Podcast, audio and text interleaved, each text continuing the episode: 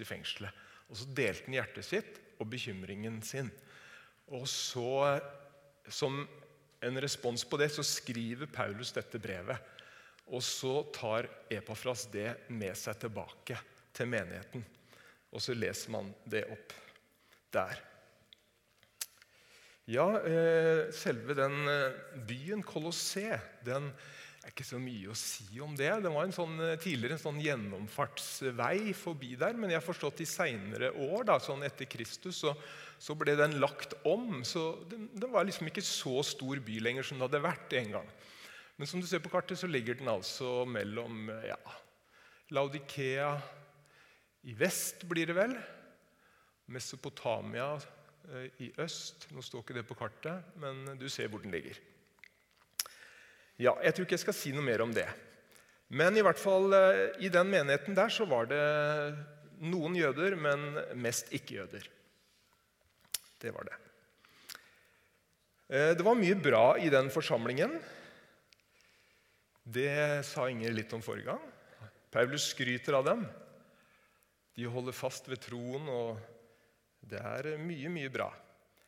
Men eh, det var ting som hadde påvirka noe, som kom på en måte utenifra, og som, eh, som Paulus eh, ser at eh, dette må vi snakke om.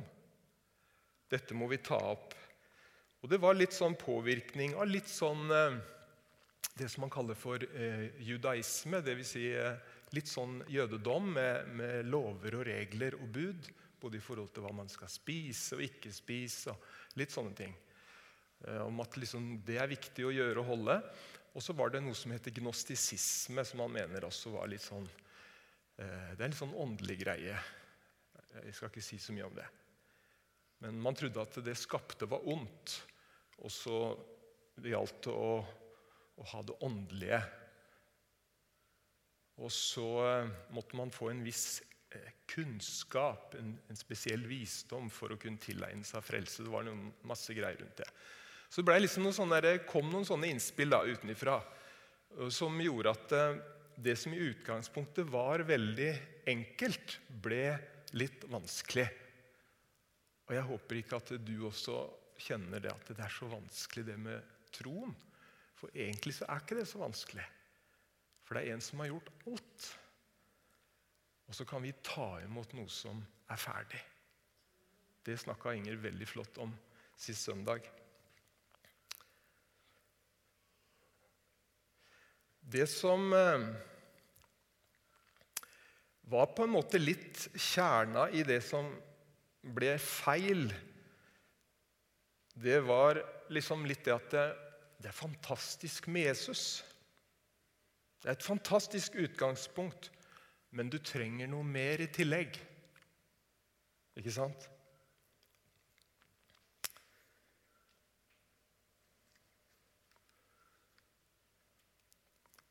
Skal si litt om det her først. Det store spørsmålet. Jeg vet at noen av dere går på alfakurs.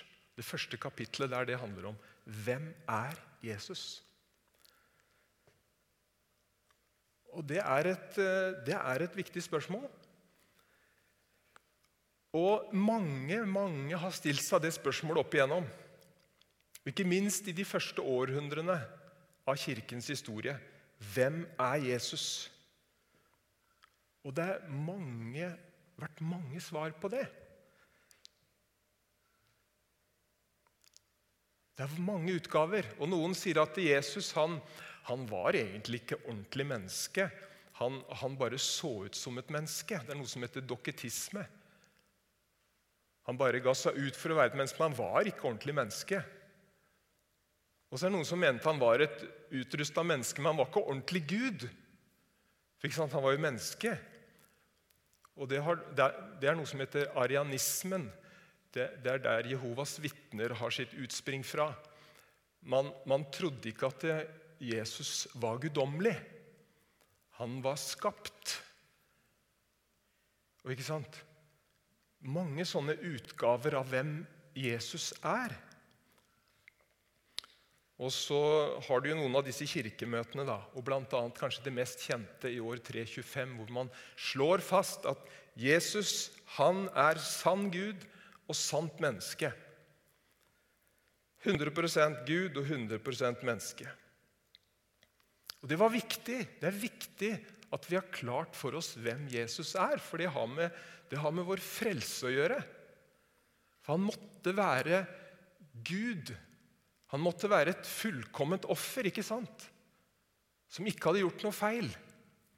Og så måtte han også være et menneske, fordi det var mennesket som hadde gjort feil. Det var mennesket som, som fortjente straff, og derfor så måtte et menneske faktisk dø. Derfor så måtte Gud være både, Jesus måtte være både Gud og menneske.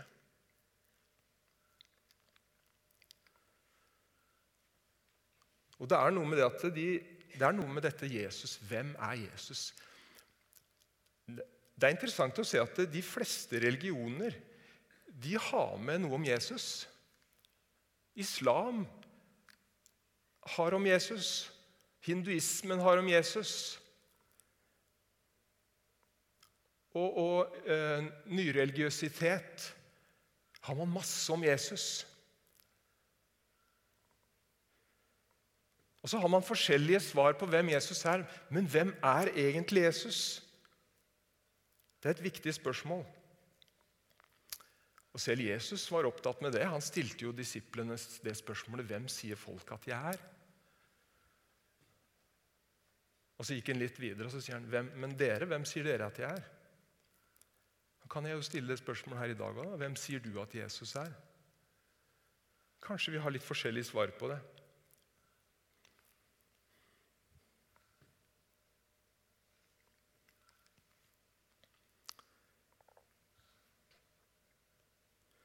Hva var det som var problemet i Kolossé, i menigheten der?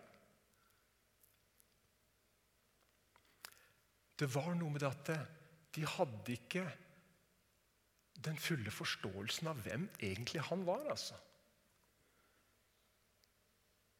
De forsto på en måte ikke hvor stor han var. De skjønte ikke hvor eh, fullstendig han var i stand til å ta hånd om livet deres. Alle deres behov. Og når Jesus på en måte blir liten, da oppstår behovet for noe i tillegg. Ikke sant? Jeg vet ikke åssen du tenker, men noen ganger så tror jeg vi kan liksom tenke om det der med Jesus, det å, det å tro på Jesus det, det, er liksom noe, det, er noe litt, det kan noen ganger bli litt sånn lite og litt sånn sært. Det er noen få der nede som tror på Jesus, liksom. Ja, jeg tror på Jesus, jeg. Ja, stakkars deg, liksom. Det går snart over. Og det er noe med at det, vi kan liksom miste det der store perspektivet av hvem han egentlig er. Han kan bli litt liten, kanskje. Akkurat som når vi nærmer oss jul, og da samler vi oss om det lille barnet. Og Det var der det begynte. Og Det er veldig flott, det. Men vi kan noen ganger sitte igjen med det der litt puslete inntrykket av det veldig lille. Ubetydelige, nesten. Vi må ordne opp sjøl. Men vi tror jo på Jesus på en måte. Men den oppfatningen, Nå sier ikke jeg at du har den oppfatningen, men det var liksom noe av det som hadde sniket seg inn i denne menigheten. De måtte på en måte, de måtte ha noe mer. Skulle dette bli skikkelig? Men den oppfatningen den stemmer overhodet ikke med det bildet som, som Paulus tegner av hvem Jesus er i Kolossebrevet. For Jesus han er ikke en religiøs figur borti et hjørne som på et eller annet tidspunkt i historien popper fram, og så blir han på en måte borte. Og så tror vi på han, og så tror vi at han skal komme tilbake. Nei, Som Inger leste forrige søndag, så står det at det, han er før alle ting. alt er skapt ved ham. Makter og myndigheter, både det synlige og det usynlige. Og når han sier det, så skjønner jeg at det, her er det noe veldig stort.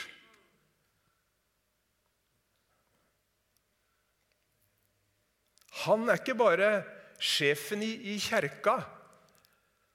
Han er sjefen i hele universet.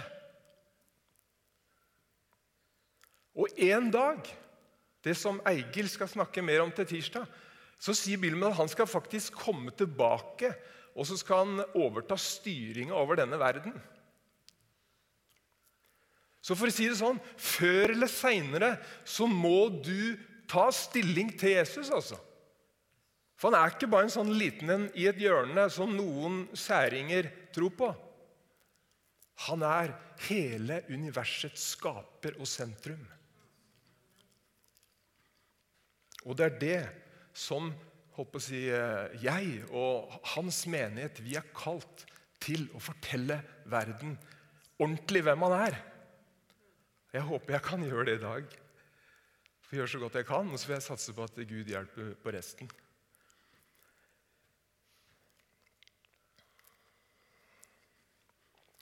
Skal vi se Hva har eh, det som vi har snakka om her, eh, med, med oss å gjøre? Nå er jo ikke nå er jo ikke, Det er jo ikke så mange av oss som på en måte kanskje er så opptatt med sånn Det har jeg lov til, det har jeg ikke lov til. Vi er kanskje mer opptatt med det for noen tiår siden. Med hva vi skulle gå i av klær og, og, og, litt sånn. Det er kanskje ikke så stort problem lenger nå. Vi går stort sett med det vi vil. Og spiser det vi vil og alt det her. Det er ikke så mange som driver med engledyrkelse kanskje heller her. jeg vet ikke. Men det var det, var det de dreiv med, da. Um, men hva, hva, kan den teksten liksom bety for meg da, og for deg som lever i dag? Og jeg tenker Det viktigste når jeg leste det her, så tenker jeg det må være det at eh, Jesus han er nok for din og min frelse, for framtida, for evigheten. Og så er han også nok for det livet du lever her og nå. Fordi, som Inger sa, det finnes en nåde, dvs. Si, det er noe gratis som han gir oss, som ikke vi har jobba for. Og det fins en nåde både for din og min frelse, men det fins også en nåde for livet som vi lever i dag, og som vi skal leve i morgen. Det fins en nåde for det du står oppi akkurat nå. Så du kjenner at 'dette takler jeg kanskje ikke', eller 'dette er utrolig krevende'. Det finnes en nåde som Jesus er klar til å gi deg. Kanskje i din familiesituasjon som er vanskelig. Det finnes en nåde fra Jesus for deg. Jobbsituasjon, hva som helst. Budskapet til Paulus det er Jesus er nok. Jeg syns det er fint budskap, jeg.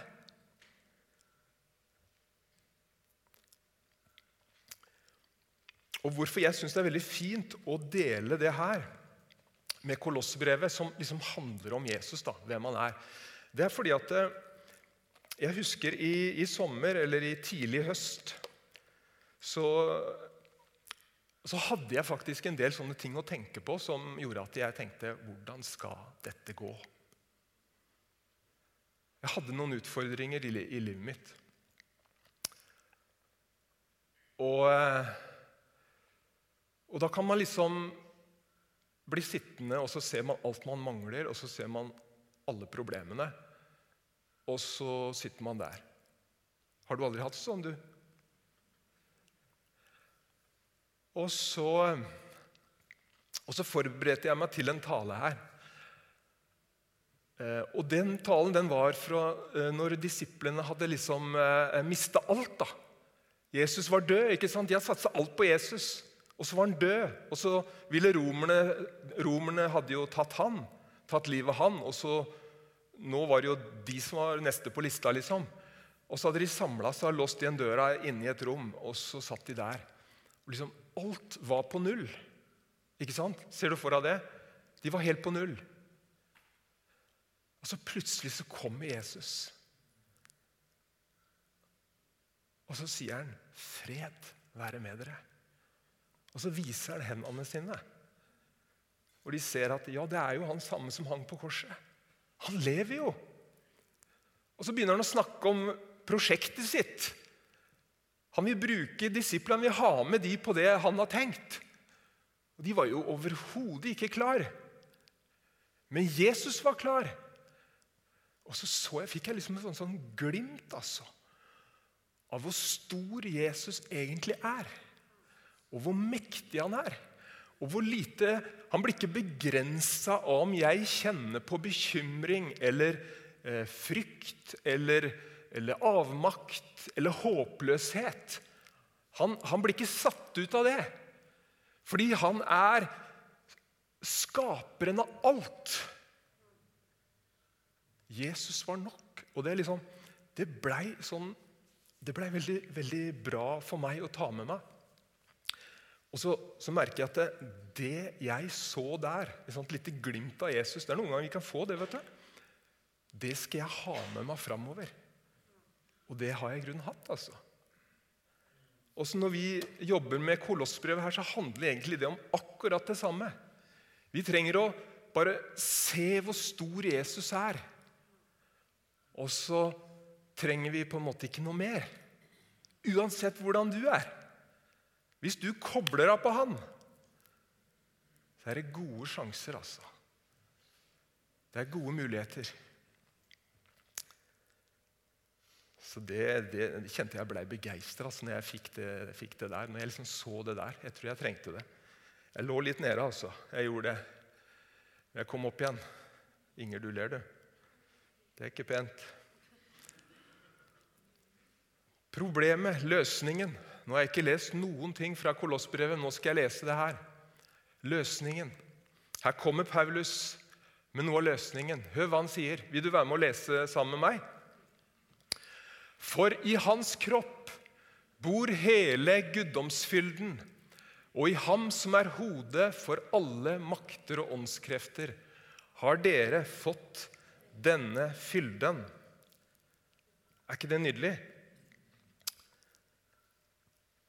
hele Guds storhet, fullkommenhet, fylde og rikdom og storhet og fullkommenhet har Gud plassert inn i Jesu Kristi kropp.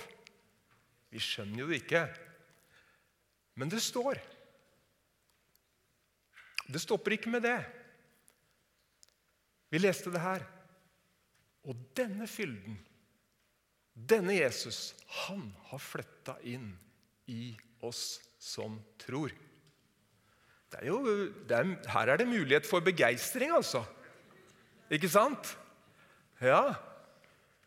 Og jeg, jeg, leste den, jeg leste den der siste delen der i en oversettelse som heter King James. Det er forskjellige oversettelser i verden. Vi trodde lenge at den norske var grunnteksten, men det var ikke det. altså. Det fins andre oversettelser, og på den siste står det at det, And you are complete in him. Du er komplett i ham. Ikke sant? Han har flytta inn i deg. Vet du hva? Dette er løsningen for kolosserne, disse på over 100. Men det er også løsningen for deg og meg. Dette er fantastiske muligheter. Det er håp. And you are complete in him.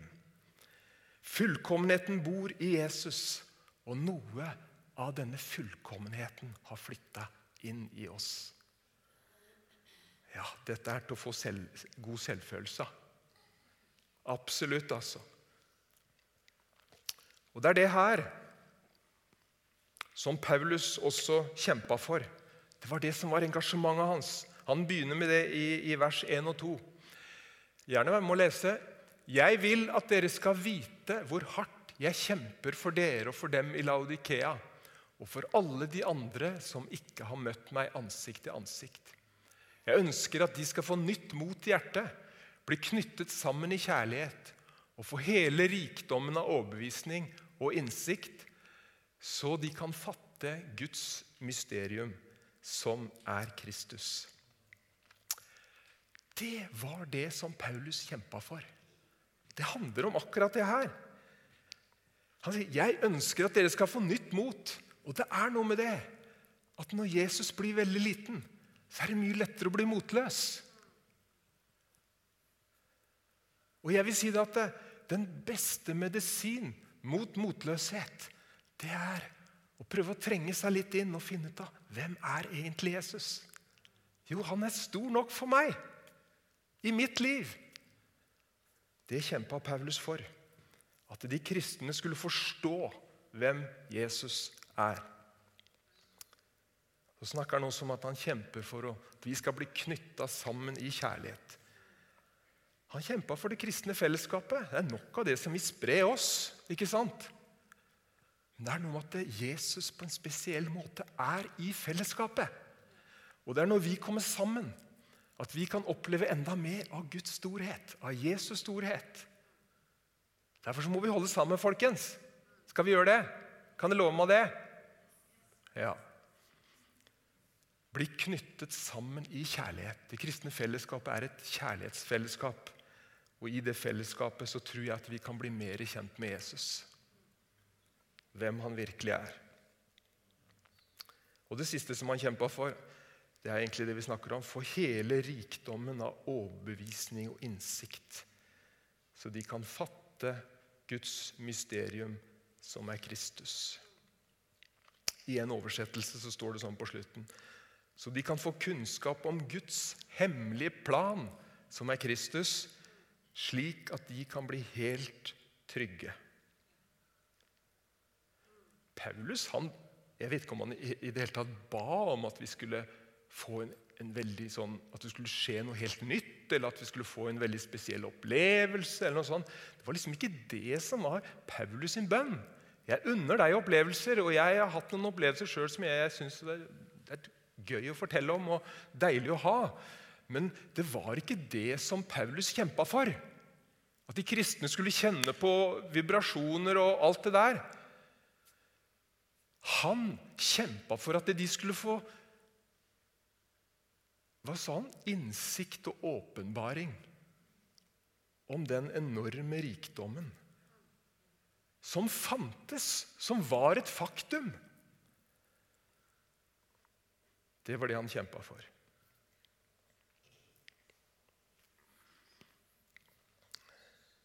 Jeg ser at jeg, jeg har for mye stoff i dag. Jeg må kutte litt ned. Jeg skal eh,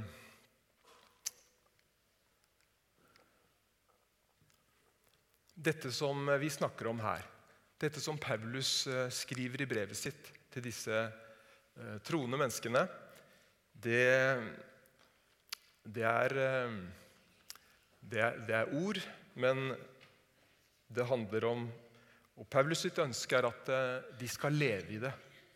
At de skal erfare det og leve i det. Og jeg tenker at eh, det er det det handler om for oss også. En ting er å ha hørt om Jesus, en annen ting er å leve i det. Og eh, jeg har lyst til å leve i det at eh, jeg har alt i Jesus, da. Jeg vil gjerne gjøre det. Det tror jeg du også vil. Og så, har jeg noen punkter på det. Hva, hva, innebærer det å leve i ham? Det er jo det Paulus sier. Han sier jo det at uh, dere har tatt imot Kristus Jesus som Herre. Lev da i ham, sier han. Nå skal jeg si noen kjappe setninger om det. Hva innebærer det å leve i ham? Nå har vi hatt noen undervisninger om det å være rotfesta i Jesus. Og det her går det igjen. Og det er noe med at eh, jeg tror han vil si noe om at vi må, ha, vi ha, vi må, ha, ha tilgang, vi må ha påfyll fra Jesus. altså. Fordi at han er en sånn livskilde som vi trenger i livet vårt. Da må vi, vi, må, vi må sørge for å få noen røtter inn i den kilden. Og så sier han også grunnfestet i Jesus. Det handler om en grunnmur. Vi kan ikke bygge på hva som helst i livet. Vi må bygge på det Jesus har gjort. Det er kun det som holder. Det sier Paulus, og jeg tror han er sant i det. Så altså lev rotfesta i ham og grunnfesta i ham. Og Så sier han videre her også at eh, Skal vi se Han sier det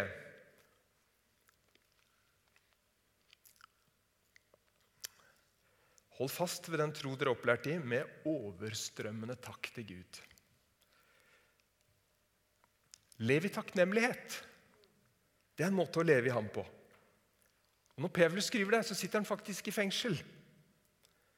Så det er sånn, Dette har han testa ut, altså. Og han, han, vet at det fungerer. Og det er en fantastisk frihet å løfte blikket litt bort fra sitt eget ego. Og se konsentrere seg. Hvem er Jesus, og hva han har gjort for deg? Jeg tror veldig ofte det kan frigjøre oss og løfte oss litt og hjelpe oss til å ta det neste skrittet.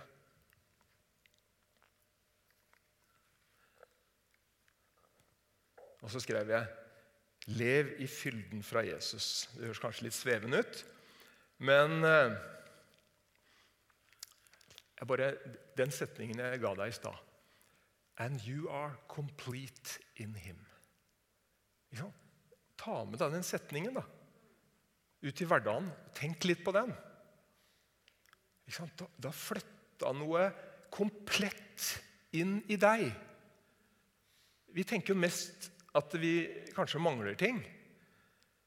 Men det er noe komplett. Det fins en fyldig Jesus det fins noe fullkomment, det fins en rikdom.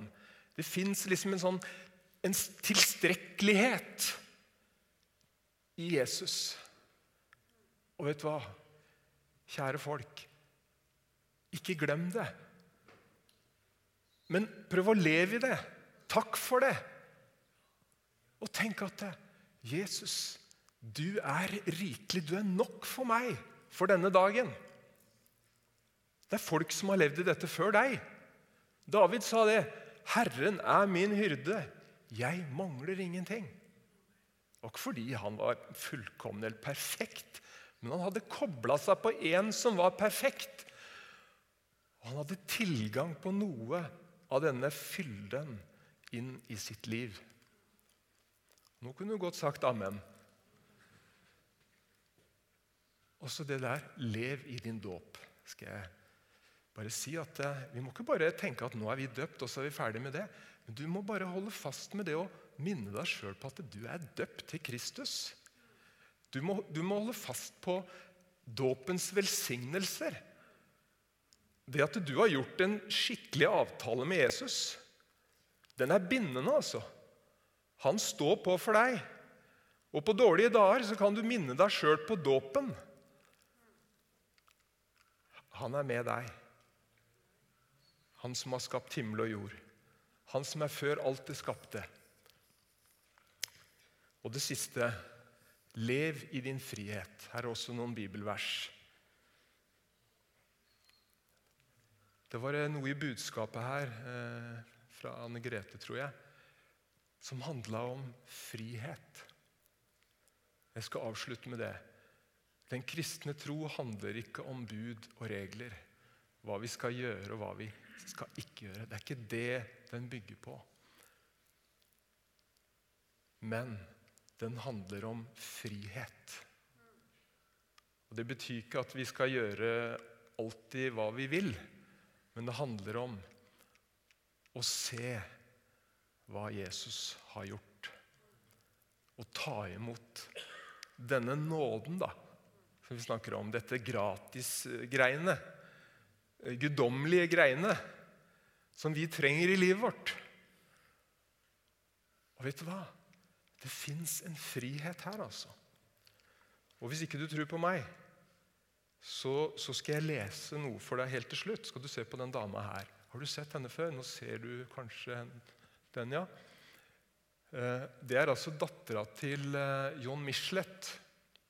De fleste vet hvem John Michelet var. Han var eh, en uh, ivrig forfatter, men han var også en veldig profilert uh, kommunist.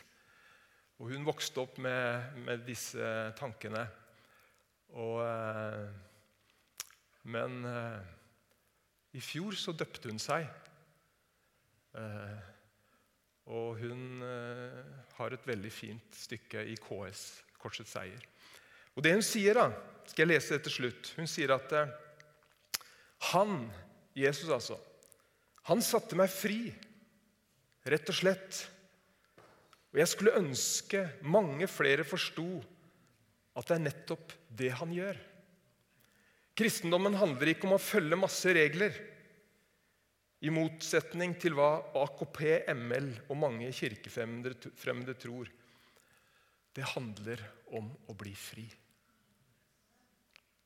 Det var fint sagt. Hun har ikke betaling for å, for å si det, og Pappaen hennes har heller ikke tvunget henne til å si det. Hun eh, sier det fordi hun opplevde det. Hun har opplevd Jesus Kristus, han som er skaperen. Du må bare pakke ut og finne ut av hvem han er. Fordi han er nok for deg, for livet ditt, for framtida di, for evigheten din. Jeg har bare lyst til å si til deg, Hvis du ikke kjenner Jesus, så har jeg lyst til å si deg prøv å finne ut hvem han er. Som du allerede har hørt i møtet i, møte i dag, så, så er det en som har et hjerte som banker for deg. Han ønsker at du sier ja på invitasjonen fra han. Dette er stort, altså. Og jeg, jeg gjør så godt jeg kan i å reklamere for Jesus her i dag. Men jeg er så takknemlig for at jeg har lært Jesus å kjenne. Så eh, spørsmålet er hvem sier du at jeg er? Hvem sier du at Jesus er? Tenk på det. Og så eh, kan vi godt lukke øynene også hvis, hvis det er noen som som kjenner at jeg eh, vil gjerne eh, gi til kjenne at jeg vil si ja til Jesus i dag. Jeg vet ikke om alle her kjenner Jesus, men eh, hvis dere alle holder øynene lukka nå, så hvis du kjenner at jeg vil gjerne si ja til Jesus i dag, så, så rekk opp hånda di, så ta den igjen. Så skal, jeg, så skal vi ikke gjøre noe mer enn, det, enn å bare be for deg. En fellesbønn. Men der kan hende alle kjenne Jesus her.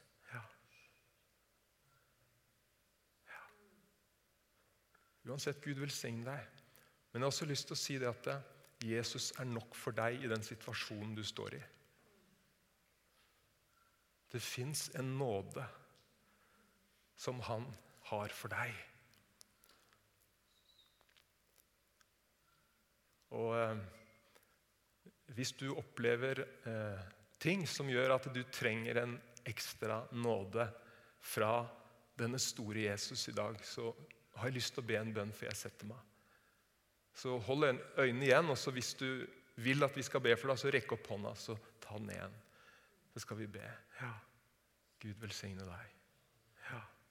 Det er flere som rekker opp hånda si. Ja, Gud velsigne deg. Ja. Ja. Vi skal be en bønn. Herre, vi takker deg for at du er Gud. Men du er ikke bare langt der oppe, Herre. Du er ikke bare den svevende allmektige som vi aldri helt får tak i. Men takk at du kom ned til oss. Og så ble du menneske. Du ble en av oss fordi du ville ha kontakt med oss. Og jeg priser deg. Du vet hva det er å leve på denne jorda. Herre, jeg priser deg for at eh, du ser alle oss som er her nå. Du ser spesielt de som rakk opp hånda si. Og jeg ber om at du skal gi dem den nåden som de trenger for å møte de utfordringene som de står i. Herre, jeg ber om det. At de skal få lov til å erfare at du er nok. Din nåde er nok. Å, Jesu navn. Kom med nåde.